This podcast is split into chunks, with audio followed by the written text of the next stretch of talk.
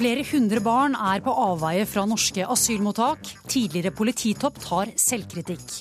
Tenk negativt, oppfordrer dansk psykolog. Livet mitt ville blitt noe dritt hvis jeg hadde fulgt hans råd, sier selvhjelpsforfatter. Og hør hva som skjedde da Anine Kierulf løftet sin meningsmotstander i Ukesluttstudio. Ah, oi, oi, oi, oi. Og med disse utvalgte sakene ønsker jeg velkommen til ukeslutt i P1 og P2. Mitt navn er Ingvild Edvardsen, og jeg håper du har latt deg friste til å holde det her hos oss den nærmeste timen. Først skal Kari Bekken Larsen lede oss gjennom dagens nyheter. Ja, Vi starter i Madrid, for der er massemønstringa til støtte for partiet Podemos nå i gang. Podemos er det spanske venstrepartiet som tilsvarer det nye greske regjeringspartiet Syriza. Podemos har bussa inn tilhengere fra hele Spania, og det er venta at titusener av mennesker strømmer ut i gatene i Madrid nå i ettermiddag. Norge bryter menneskerettighetene når barnevernsbarn ikke får snakke morsmålet sitt med foreldrene. Det mener advokater. Ifølge VG går en advokat til sak mot staten etter at norske myndigheter har bestemt at et afghansk foreldrepar bare får snakke norsk når de møter barna sine som er plassert i fosterhjem. Helsebyråden i Oslo mener det er bra at Fylkesmannen nå gransker hele barnevernstjenesten i Søndre Nordstrand. Fylkesmannen har konkludert med at barnevernet brøt loven da en tiåring døde av underernæring i fjor, og de frykter at flere barn kan være ramma. 15 irakiske oljearbeidere er forsvunnet etter, opprør, etter, at opprørere fra den islamske staten tok kontroll over produksjonsanlegget de jobba på. Det er eierne av anlegget North Oil som opplyser dette. Terrorgruppa IS har tatt kontroll over flere oljeanlegg i Nord-Irak den siste tida for å finansiere krigen i landet. Og forhandlingene med IS om løslatelsen av en jordansk og en japansk fange er fastlåst, det opplyser japanske myndigheter. IS har eh, de siste dagene gitt flere frister til et fangebytte ved å løslate en terrordømt iraker, og den siste fristen utløp ved solnedgang torsdag. Og til slutt tar vi med at Heidi Weng vant 15 km med skibytte i ski-NM på Røros i formiddag, etter å ha spurtslått Astrid Urnholt Jacobsen. Og dette er Wengs første individuelle NM-gull. Tenk negative tanker og slutt å lytte til følelsene dine. Det er oppfordringen fra en dansk psykolog som har fått mye oppmerksomhet den siste uken etter at hans anti-selvhjelpsbok kom ut i Norge. Psykologen mener vi bør sparke motivasjonscoachen, men Ukeslutt dro på selvutviklingskurs likevel. Eh, la oss tenke nå at du har et eh, mål som du virkelig har lyst til å nå. Et eller annet du virkelig brenner for. Eh, det som kjennetegner atferden din da, det er at du ikke klarer å sitte stille. Vi har hørt det før.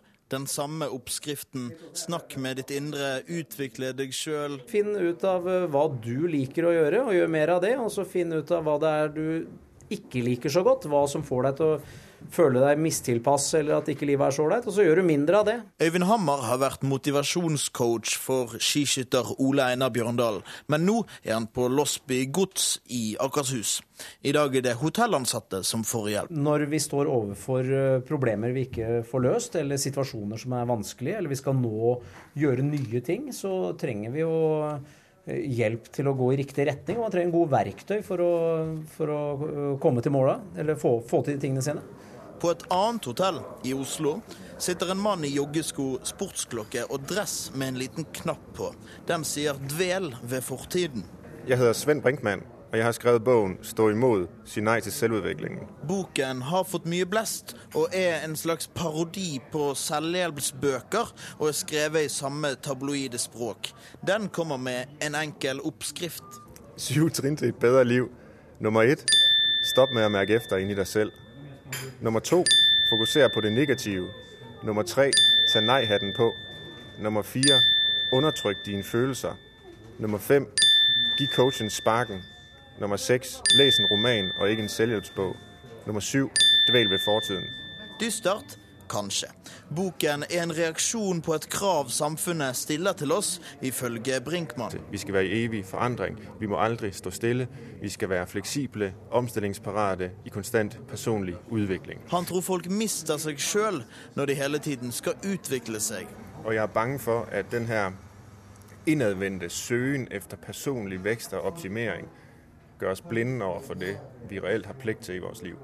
Men når du har all den energien nå, så skal du hjem og ta hele markedet rundt deg. Skal du ikke det? Fylle hotellet de neste to årene? Men ikke alle er enig med dansken. Tilbake på selvhjelpskurset står Øyvind Hammer og gestikulerer og vitser.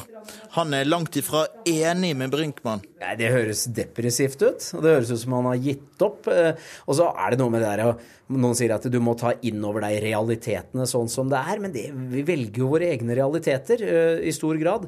Og uh, jeg er jo ikke enig. Verden stopper jo ikke opp fordi om man ikke har lyst til å drive med utvikling. Verden utvikler seg, og vi mennesker vi søker jo hele tiden utvikling. Men trenger man det ønsket? Det er ikke sikkert man trenger det, men det er noe der da, for de aller fleste. Vi har med oss eh, Bjørg Toralsdottir, forfatter av selvhjelpsboken 'Veien til lykke'. Hva synes du om oppfordringen om å fokusere på det negative og dvele ved fortiden? Når jeg hørte alt det som han sto for, sånn, så måtte jeg le, for det er jo veldig morsomt. For han tar det så utrolig langt. Men eh, jeg har faktisk skrevet en bok som handler mer om eh, min reise til lykken. For jeg har opplevd seksuelle overgrep, jeg har opplevd å bli enke i en alder av 30 år. Jeg har opplevd veldig mange ting hvor jeg var veldig, veldig, veldig, veldig langt nede. Og så ikke noe lys. Og så ville jeg tilbake til lykken. Så den boken jeg har skrevet, er alle de verktøyene som jeg har brukt for å klare å våkne hver eneste dag og tenke dette her skal bli min beste dag. Og det blir det også. Altså Hvis du hadde fulgt de rådene han gir, eh, hva tenker du om livet ditt i dag da? I dag hadde det blitt noe dritt. Vi har også med oss Jonas Hinge Bergland, du er lege og komiker. Og du har sansen for oppfordringen fra den danske professoren. Hvorfor det? Ja, altså Jeg er mest enig i eh, punkt nummer seks og Nei, hva var det? Eh, fem og seks på denne lista hans. Det var eh, spark coachen din og ikke les selvhjelpsbøker. Og det innebefatter også hans bok, da, antageligvis. Så um, Eh, nei, altså jeg syns det er et sånt flaut symptom på at eh, et eh, ganske overprivilegert samfunn som vi lever i, trenger å lese bøker for å bli lykkelige. Og så er det en ganske arrogant holdning overfor folk som ikke har muligheten til å bare lese en bok og få det til å gå i hop. Så det har et sånn nyreligiøst uh, slør over seg som jeg syns er ganske kvalmende. Men disse bøkene selger jo uh, i massevis. Tyder ikke det på at det er et behov for slike bøker, og at mange mennesker kan få noe ut av det? Altså alle har, eller Veldig mange har behov for retning i livet sitt og, og en søken etter et eller annet. Men det er vel mer et symptom på at folk er lette å lure. Så Eh, om folk blir noe særlig lykkeligere av det, det tviler jeg på. Det jeg tenkte, var bare at uh, selvhjelpsbøker er jo Det fins jo masse forskjellig, og det er masse dårlig der, og så er det masse bra. Og hvis du har lyst til å forbedre en eller annen side ved deg i livet ditt, og et ønske om å komme deg videre, så er jo det å ikke lese selvhjelpsbøker er jo som å kjøpe en bil og si nei, jeg driter i å ta med den håndboka til bilen, for jeg er ikke noe interessert i alle de knappene som står her. Og så aldri lære seg hvordan man stiller klokka på bilen fordi at den går på vintertid hele året. Det er det samme med deg selv, at du har et enormt potensial. Og så er det som å si nei til det potensialet når du ikke ønsker å utvikle det. Ja, Skal jeg svare på det? Uh, altså Jeg tror ikke man trenger de bøkene for å finne ut av det potensialet. da. Det er det jeg, eh, jeg tror at veldig mye av de selvhjelpsbøkene skrives fordi folk har lyst til å selge bøker, ikke fordi at uh, folk har behov for å uh, få den lærdommen. Um, Hvor skal man få den lærdommen fra da? Nei, altså Essensen i veldig mange av de bøkene er jo tenk positivt og tenk at ting er mulig. Og nå har jeg allerede sagt det, og folk vet det stort sett selv. Det er det det går på, tenk positivt. Ja, så, så det, det er vel stort sett så er disse bøkene en ekstremt uh, effektiv oppskrift på å bli ekstremt uh, selvopptatt. Så det den danske professoren sier om å undertrykke det er bra, undertrykke egne følelser og, og eh, man må gjerne dvele ved fortiden, det er du ikke så enig i? Nei, altså det blir litt sånn karikatur på en uh, motsats, da. Så, men det å på en måte lure seg selv til å Eh, si at i dag blir en bra dag, i dag skal det bli den beste dagen i mitt liv. Eh, tenk positivt uansett. Så er det å måte, altså Hvis det er en dårlig dag, så er det greit. Og hvis du har et gjennomsnittlig liv, så er det også helt greit. Altså, det er helt OK å ha det middels, og det er helt OK å være middels. Ja, hvorfor må man alltid bevege seg forover? Man kan jo få et inntrykk eh, fra denne industrien om at det er det det handler om å utvikle seg selv til enhver tid.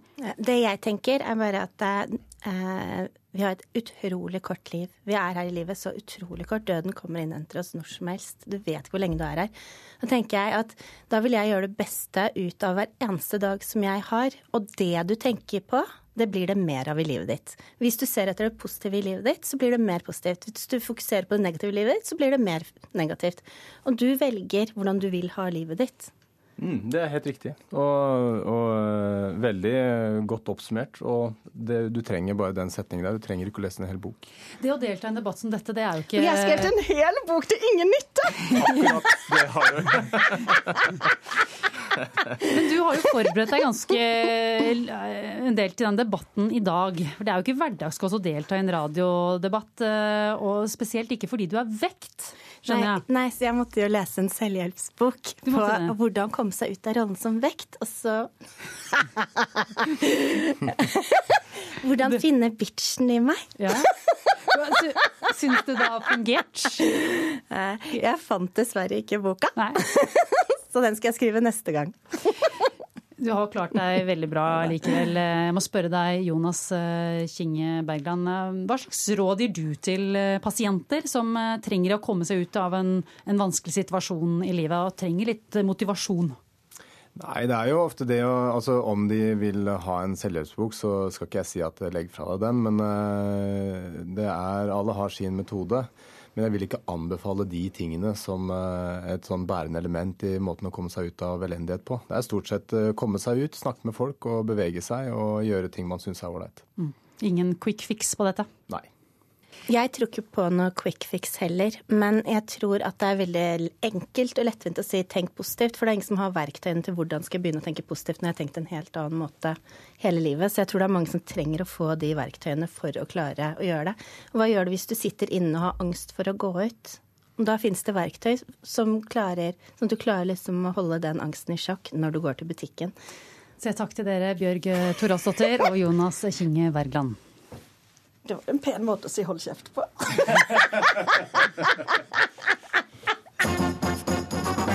De tre siste årene har til sammen 184 enslige tenåringer forsvunnet fra mottak i Norge. Det viser helt ferske tall fra UDI. Ingen vet sikkert hvor de er, men forskning tyder på at en del av dem er offer for menneskehandel. Reporter Elisabeth Onsum har vært på Norges største mottak for unge mennesker som kommer til Norge alene. I går kveld var det en som eh, reiste fra mottaket. Så Vi har også sjekka rommet hans, og han har tatt med seg alle personlige eiendeler. Og mm, vi har rutinemessig meldt han savna til politiet og barnevern og, og, og UDI, selvfølgelig. Vi er på Mysebu asylmottak noen mil utenfor Oslo. Dette er Norges største transittmottak for enslige mindreårige asylsøkere. Dvs. Si de som kommer hit uten foreldre. Ja, her er biljardrommet. Full aktivitet. Her er det veldig populært. Hvem, av de som du ser i rommet her har kommet eh, sist? Eh, noen afghanere her som er helt nye, som kom i går kveld.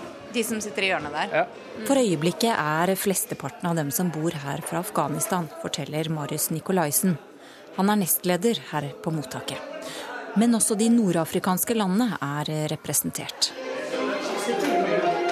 Ute i korridoren er det fullt liv. På en barkrakk sitter en gutt med hodet i hendene og hører musikk. Et knippe sjenerte jenter har benket seg i sofaen. Noen av dem har fargerike hijaber, en annen har langt, mørkt, bølgete hår som faller nedover skuldrene. Flere av disse barna har lange reiser bak seg. De har allerede levd tøffe liv på gata andre steder i Europa. Og enkelte er mest sannsynlig offer for menneskehandel. Det er mange som har eh, opplevd mye og traumatiske hendelser, som har problemer med å sove. Og, altså, de bor her så kort tid, så hvis vi henviser dem til BUP eller til barnepsykolog, så har de jo reist herfra før eh, de får muligheten til å snakke med dem. Hei. Her er kantina, så vi spiser fire måltider. Måltid er også kontrolltid her på mottaket. Så vi har en liste med eh, romnummer. Høres litt upersonlig ut, men vi har romnummer A203 over og under.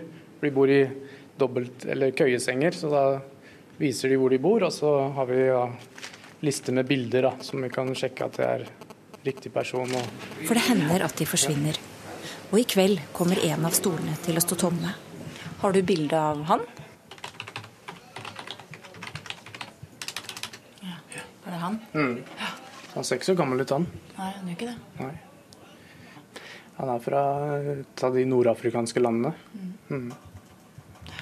Så hvert fall på bildet her så har han grå genser, et uh, tynt halskjede i sølv, ser det ut som. Um, ja, mørkt, kort hår. Mm. Han har akkurat kommet til Norge. 26.1 kommet til Norge, så han har vært der uh, kun noen få dager. De guttene som uh, kameraten hans sier at han reiser til Oslo. noe mer enn det vet vi ikke, vi. Men er du bekymra for han? Ja, selvfølgelig. Her er det jo hovedsakelig hasj som selges. Man kan sikkert få tak i andre ting også, men det er liksom hovedsakelig hasj. Borti Brugata, Storgata, så er det jo mer også tyngre rusmidler. Nede i Oslo sentrum møter jeg Line Ruud Vollebekk og Turi Tråen fra uteseksjonen i Oslo. De er på kveldspatrulje. Alarmen går hos politiet og barnevernet, men ofte er det uteseksjonen som finner ungdommene. Her har vi jo truffet gutter ned til 13 år. Vollebekk har skrevet rapporter om menneskehandel med barn, og hun har vært i uteseksjonen i 15 år. Og vi vet jo at det har vært enkelte saker der mindreårige gutter har blitt tvunget. Altså blitt utsatt for vold og tvunget til å selge. Altså det er helt sånn klar menneskehandelssaker. Mens i andre tilfeller så føler de jo selv at dette er et valg de har tatt selv. Men at de har vært i en sårbar situasjon, da. Jeg har vært på et mottak i dag, og da og det viser seg at uh, i går kveld så forsvant det en gutt derfra mm. Som kom til Norge for to dager siden. Mm. Så første kvelden så har han forsvunnet. Sånn ser han ut. Mm. Men han der kan absolutt være 15 år, ja. Eller 17 år, for den saks skyld. Men han kunne vært 15 år, tenker jeg. Når vi får bilder av etterlyste, så ser vi veldig godt på bildet og prøver å bite oss merke i det som er spesielt ved det ansiktet. Så at vi liksom nesten stirrer på bildet og sier jeg i hvert fall, jeg sier inni meg liksom Å ja, det var litt store øreflipper, og leppa var litt sånn, og det ene øyet er kanskje litt lavere. Vi går gjennom hele ansiktet bare for å prøve å huske det, sånn at når vi kommer ut på gata, at du kan kjenne igjen. Og denne gutten her eh, prøver vi å se på. Er det, er det noe som er liksom spesielt?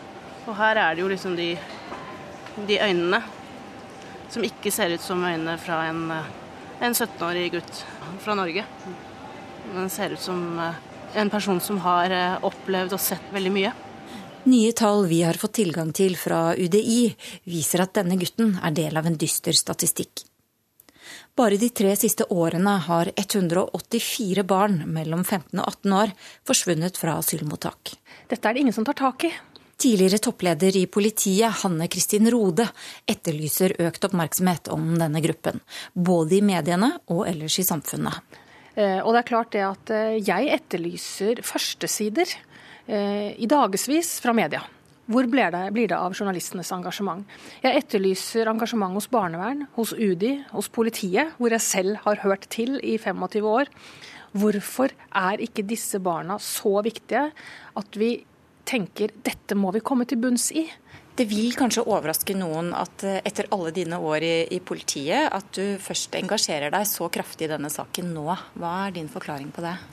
Det er klart at jeg må absolutt snu speilet mot meg selv og erkjenne at jeg har ikke gjort nok i min tid i politiet.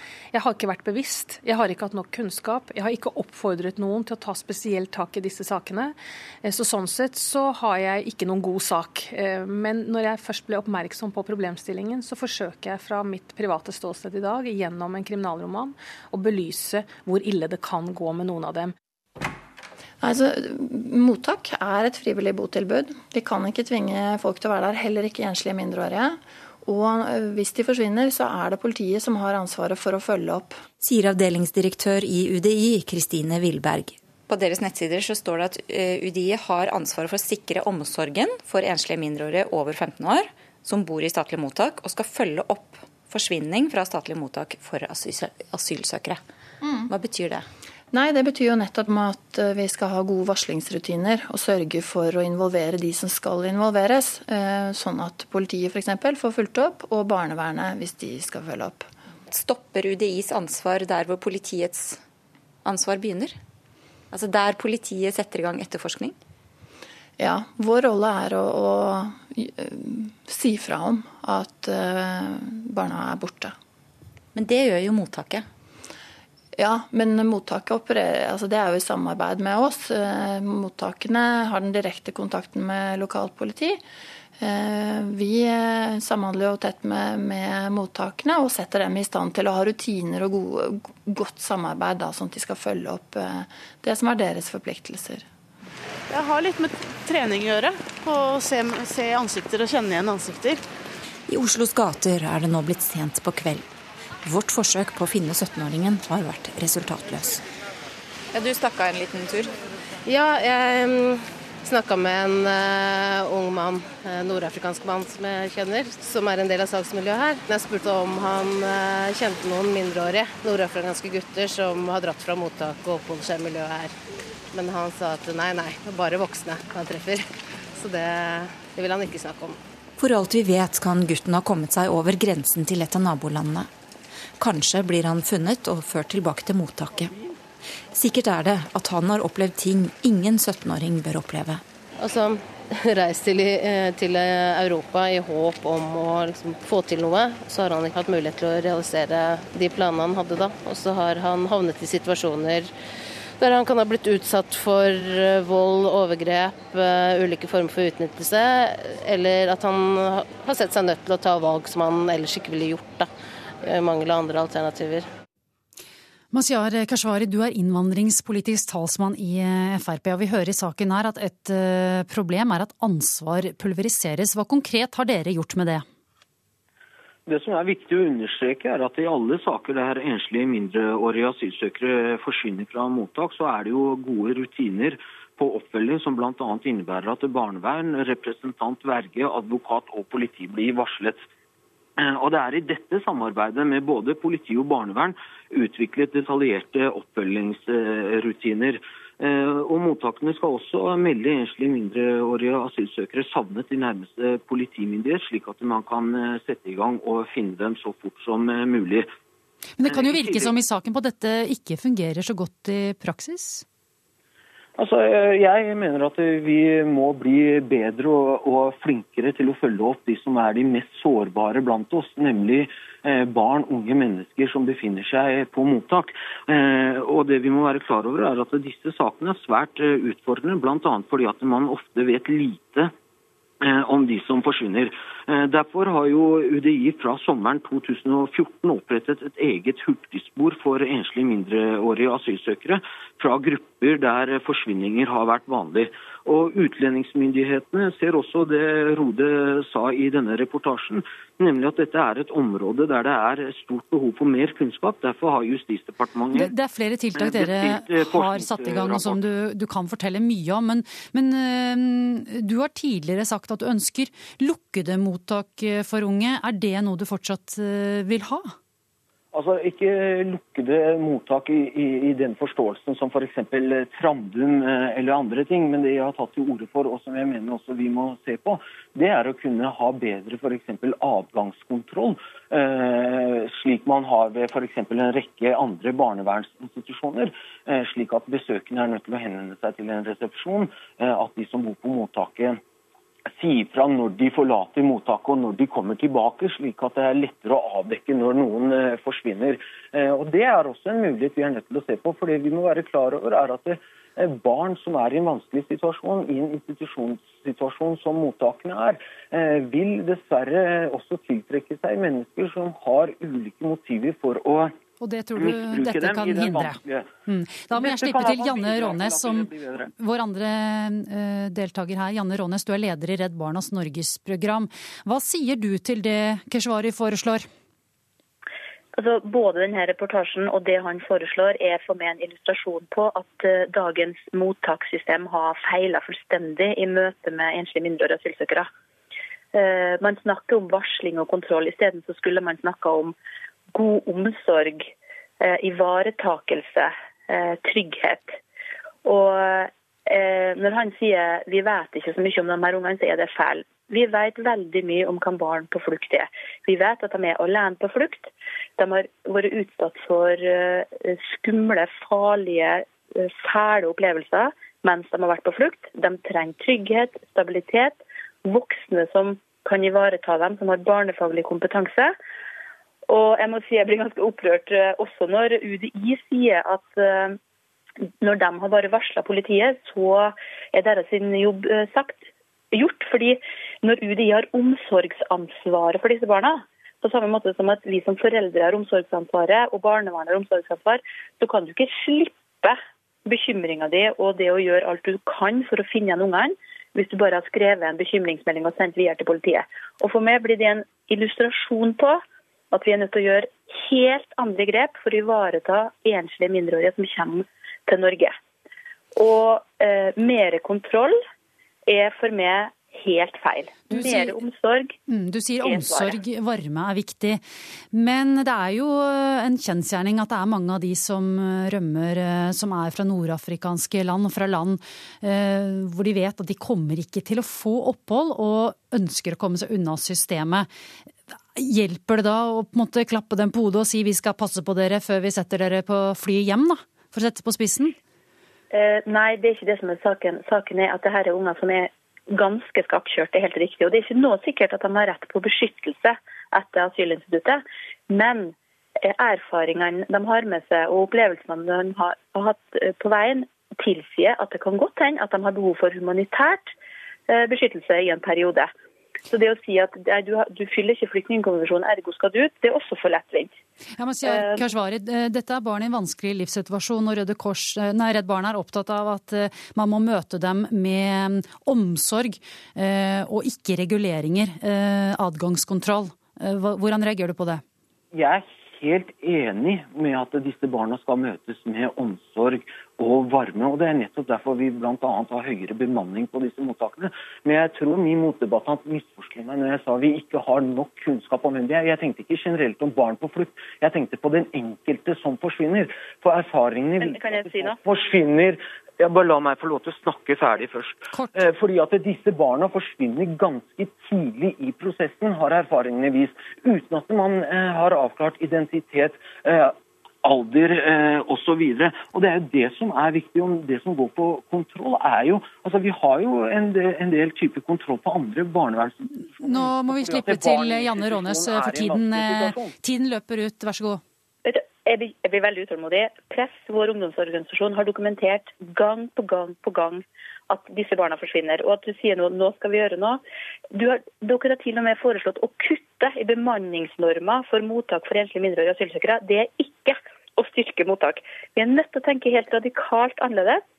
Eh, og eh, når du sier at eh, du vil møte dem med omsorg, så, så gjenstår det å se hva slags barnefaglig kompetente mennesker setter du inn i mottak. Hvor mange skal det være av dem? Eh, Det løser du ikke ved å kutte. Og jeg har veldig store problemer med å helt tro at dagens mottakssystem ordentlig tar inn over seg hvilken livssituasjon de ungene er i. Vi har tid til en kort eh, kommentar fra deg, Keshvari, på slutten. Hva sier du til Ja, altså, Redd altså, vi, Barnas? vi har jo skissert en uh, rekke tiltak. Som sagt, dette med hurtigsporet, det om å få mer kunnskap og det å sørge for at det barna som er i en vanskelig situasjon, blir bedre tatt hånd om. Men det jeg savner, er konkrete tiltak tilbake, noe utover at vi skal møte dem med omsorg og varme. For det er jo absolutt alle enige i. flere barnefaglige ansatte i mottak. Eh, bruke barnevernsloven eh, paragraf eh, 429, som gjelder for barn der man er bekymra for menneskehandelsoffer. Staffe opp og ha helt annen kvalitet eh, i mottakssystemet fra dag én, sånn at de ikke rekker å forsvinne. Der er må vi sette strek. Janne Rånes i eh, Redd Barnas Norgesprogram, takk for at du var med i Ukeslutt. Takk til deg også, Masiar Keshvari, innvandringspolitisk talsmann i eh, Frp. Ukeslutt turer frem med disse sakene. Å løfte Pegida-lederen etter Krekar-stuntet er som hoppe etter Wirkola og gå på trynet, sier PR-rådgiver. Løftet bidrar til å nyansere frontene, svarer jurist. Og jeg ble plassert i gapestokk overfor hele Finans-Norge, sier advokat, etter avisen ga han feil sluttid i langrennsløpet Marcialonga. Vi skal høre da samfunnsdebattant Shabana Rehman tok et godt tak rundt Pegida-leder Max Hermansens beige bukser for å løfte ham opp. Forsiktig, og ikke løft så langt ned.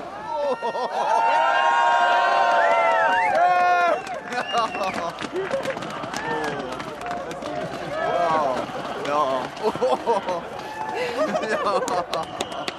Og så klemmen. Ah, tusen takk. Stuntet skjedde under den antimuslimske bevegelsens demonstrasjon tidligere i uken. Shabana Rehman har fått både kritikk og ros for å ha løftet Hermansen. Jarle Aabø, du er PR-rådgiver og en av dem som ikke syns dette var noe godt stunt. Hva er galt? Eh, det jeg er her for å snakke om, er jo da selvfølgelig dette grepet, dette løftet, og ikke Shabana Rehman, som jeg har den dypeste respekt for. Det som er bakgrunnen, er at i 2004 så satt eh, Shabana Rehman dagsorden så det ljomet i Norge ved å løfte en muslimsk mann på scenen på smuget. Og ikke var han bare en muslimsk mann, men han var vel også en muslimsk skriftlærd, siden han kaller seg for mulla. Det er et så sterkt overgrep overfor en muslimsk mann sett i en muslimsk manns øyne. Eh, kvinner og menn i mange arabiske land de får jo ikke lov å ta på hverandre. Og eh, som Aftenposten skrev, så eksploderte mullaen i sinne, og han kalte det selv en grusom ydmykelse. Vi som så dette og fulgte det til 2004, vi tenkte nok ikke at dette kanskje hadde ført til dødsstraff i Saudi-Arabia f.eks. Eh, men det var et genialt grep. For det satte dagsorden mot et menneske som da ikke var så kjent. Men nå må du nesten komme til eh, hendelsen vi snakker om nå. Så gjentar hun det grepet overfor en litt sånn trivelig kar som heter Max Hermansen, som er født i Tromsø. og og har noen meninger som han har bare lyst til å forfekte. Og da vanner hun ut sitt geniale grep. Altså Det blir som å hoppe etter Wirkola og gå på trynet i hoppbakken. Shabana Rehman selv ville ikke være med i debatt, men det ville du, Anine Kierulf. Du er jurist. Et smart løft, mener du. Hvorfor det? Ja, jeg eh, tenker jo litt når man skal bedømme om dette er smart eller dumt, eh, at man må bestemme seg for hvilke målestokker man bruker. Eh, de målestokkene jeg ofte forholder meg til, er ytringsfrihets- og demokratiteori. Der er det helt klart at det å nyansere ellers ganske polariserte debatter det er et eh, godt bidrag, god bruk av ytringsfriheten og et eh, godt bidrag eh, til det deliberative demokrati. Jeg opplever at det Shabana Rehman her har gjort, er å bryte opp noen ganske vante mønstre som er veldig pregende for debatten i dag. Det ene er vi-dem-tenkningen, svart-hvitt-tenkningen mellom muslimer og oss hvem da oss måtte være.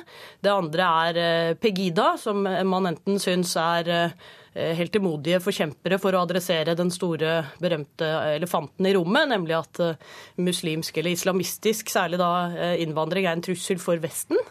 Eller noen som man syns er noen skrekkelige høyreekstreme mennesker som, som truer freden i Europa. Eh, det er svært polariserte debatter. Det å få inn nyansene av grått mellom svart og hvitt i disse debattene gjennom et så sterkt virkemiddel som humor, eh, og nettopp fordi man har det bakgrunnsteppet med mulla-løftet i 2004, eh, det mener jeg er et godt bidrag både til demokratiet og til ytringsfriheten. Ja, jeg lover en nyansering av debatten, sier Kierulf. Hva syns du om det? Altså, nå ble det så mange fremmedord at jeg ramlet litt av midt i, midt i, det du sa. Jeg beklager det. Men jeg vil tilbake igjen til altså, Man kan ikke se dette Hermansen-løftet isolert. Man må se det i sammenheng med Krekar-løftet. Og eh, Shabana Rehman sa selv i 2004 at 'jeg tenkte at hvis lille meg klarte å løfte ham, så kunne han vel ikke være en fare for Norges sikkerhet, altså mulla Krekar. Det var en helt annen arena, en helt annen sak. Og så, så, så liksom, kopierer hun seg selv. Og det burde hun ikke ha gjort. Hun burde kanskje gjort noe helt annet hvis hun ønsket å sette søkelys på dette. Ja, eh, Anine Kierulf, går det an i det hele tatt å sette disse to menneskene i eh, bås, som man opplever at Reman gjør? Altså Krekar er oppført på FNs terrorliste og dømt for drapstrusler, mens Hermansen har en del meninger mange er eh, uenig i? Jeg har ikke sett at hun har ment å sette dem i bås. Men er det ikke det, det hun gjør ved å bruke samme si, teknikk overfor dem? Nei, det, det hun gjør, er jo å bruke humor eh, til å bryte opp en eh, fastlåst diskusjon eh, som vi hadde da, og som vi har nå. Det hadde én misjon i forhold til Krekar. Det har en annen misjon antagelig i forhold til Max Hermansen. Jeg er fremdeles nysgjerrig på hvilken målestokk Aabe bruker når han sier at dette er dumt.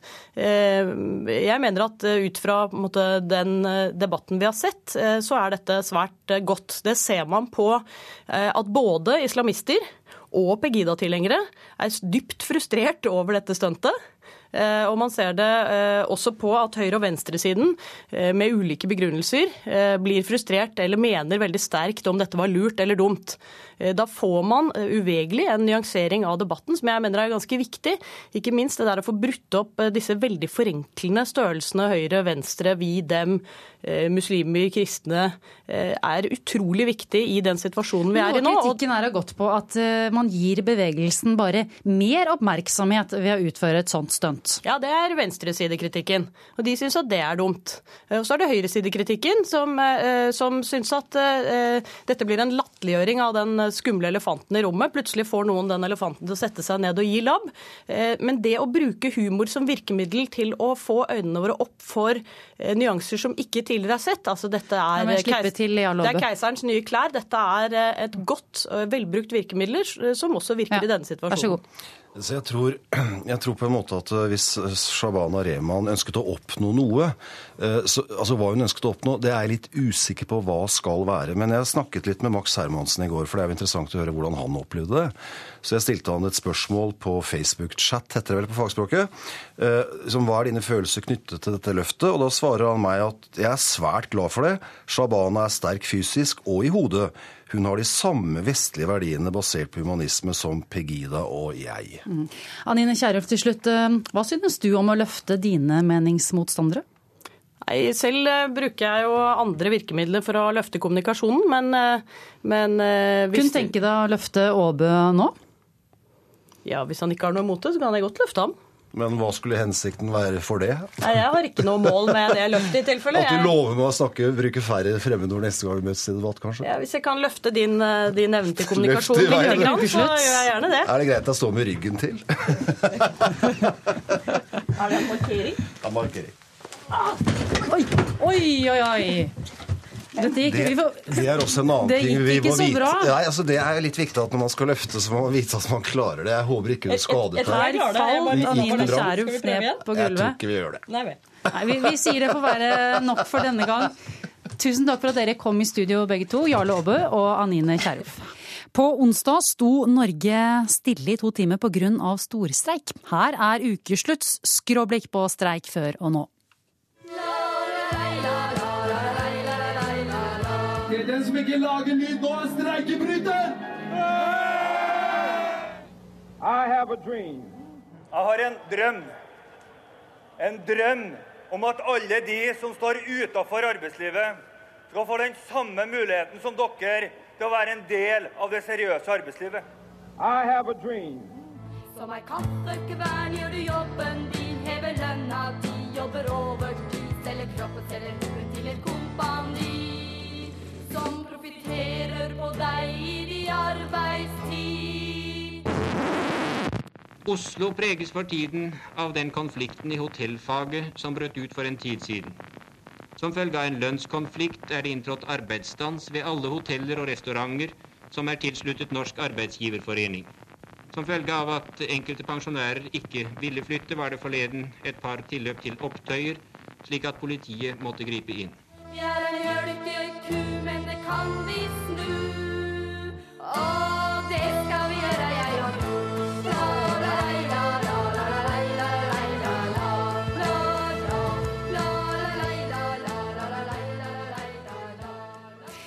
Det var alt vi hadde å si om den saken. Ukeslutt skal gli videre inn i skisporet.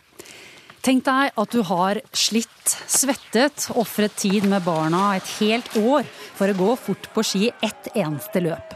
Du suser over målstreken, kjempefornøyd, men sluttiden som blir publisert i avisen er feil, og alle du kjenner tror du gjorde det skikkelig dårlig. Advokat Christian Lundin, du har opplevd dette. Hvordan var det?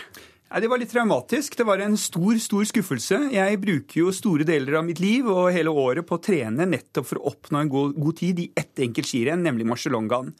Og jeg syns jeg oppnådde en grei tid. Og da jeg da åpner DN på vei hjem fra Italia, så ser jeg at jeg da blir publisert med en helt annen og mye dårligere tid. Det var en enorm skuffelse. Hva gjorde du da? Nei, det første, jeg ble, det første jeg ble veldig indignert, da. Det var min første reaksjon. Og så tenkte jeg som så at dette skal jeg prøve å rydde opp i. Og så tenkte jeg som så at nå må jeg bare skrive et innlegg om dette her. Og det var det jeg gjorde. Du måtte sørge for at alle fikk vite den riktige tiden, rett og slett. Selvsagt. Eh, dette er et viktig utstillingsvindu i min verden. Og derfor var det viktig for meg å rette opp den feil tiden. For ellers så hadde det nå gått neste året uten at jeg hadde kunnet eh, få markedsføre riktig tid. Du er ikke en skiløper som går for kosens eh, skyld, har jeg skjønt. Hvordan er du som skiløper?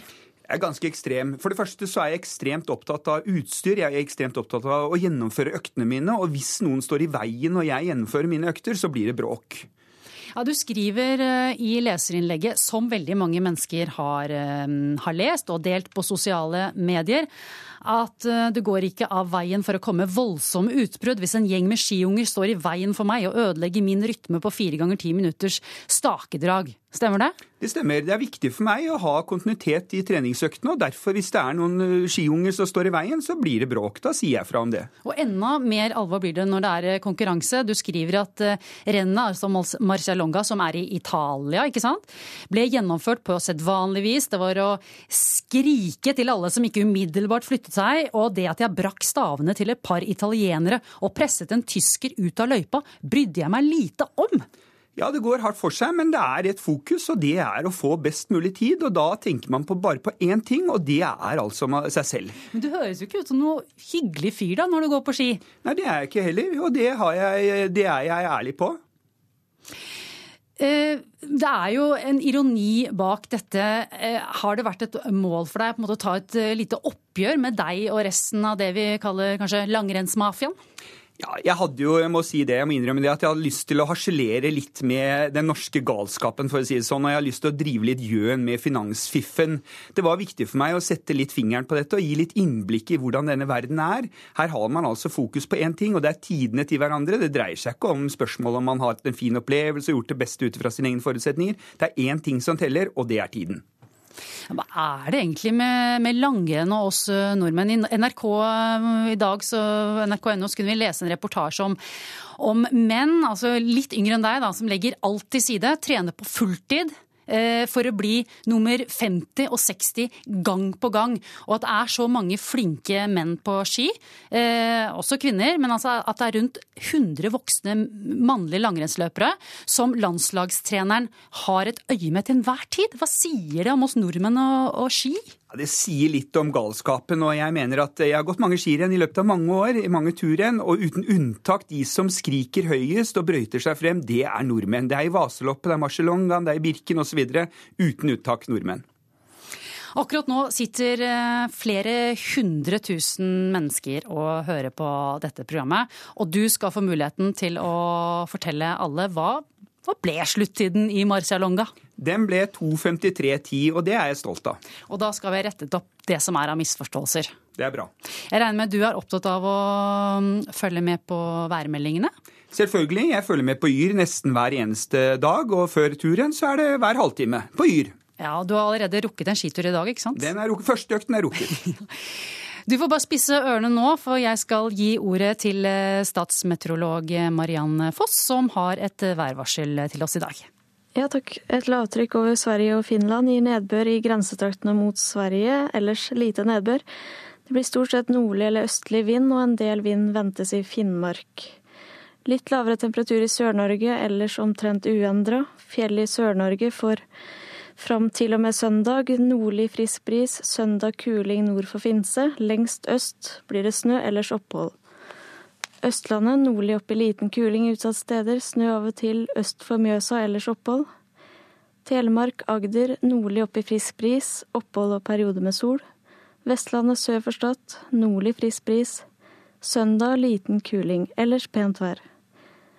Møre og Romsdal skiftende bris, oppholdsvær. Fra i kveld nordøst frisk bris på kysten. Søndag kveld liten kuling. Ellers pent vær. Fra søndag formiddag utrygt for snø. Trøndelag nordøst bris, frisprit på kysten. Tilskyende, av og til snø i indre strøk. Nordland østlig opp i liten kuling, litt snø i indre strøk, ellers opphold. Troms for sørøstlig liten kuling, i nord sterk kuling. Litt snø i grensetraktene, ellers opphold. Finnmark østlig stiv kuling på kysten. Søndag ettermiddag økende til sterk kuling, enkelte snøbyger på kysten, ellers pent vær. Søndag oppholdsvær, Nordensjøland på Spitsbergen. For sørøstlig frisk bris og pent vær, men søndag østlig liten kuling, oppholdsvær. Og det var værmeldinga.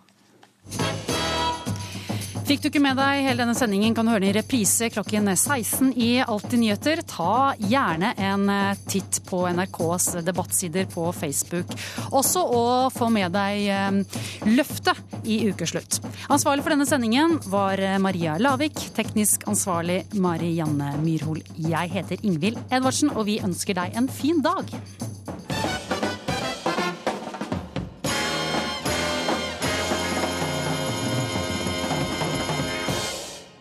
Hør flere podkaster på nrk.no podkast.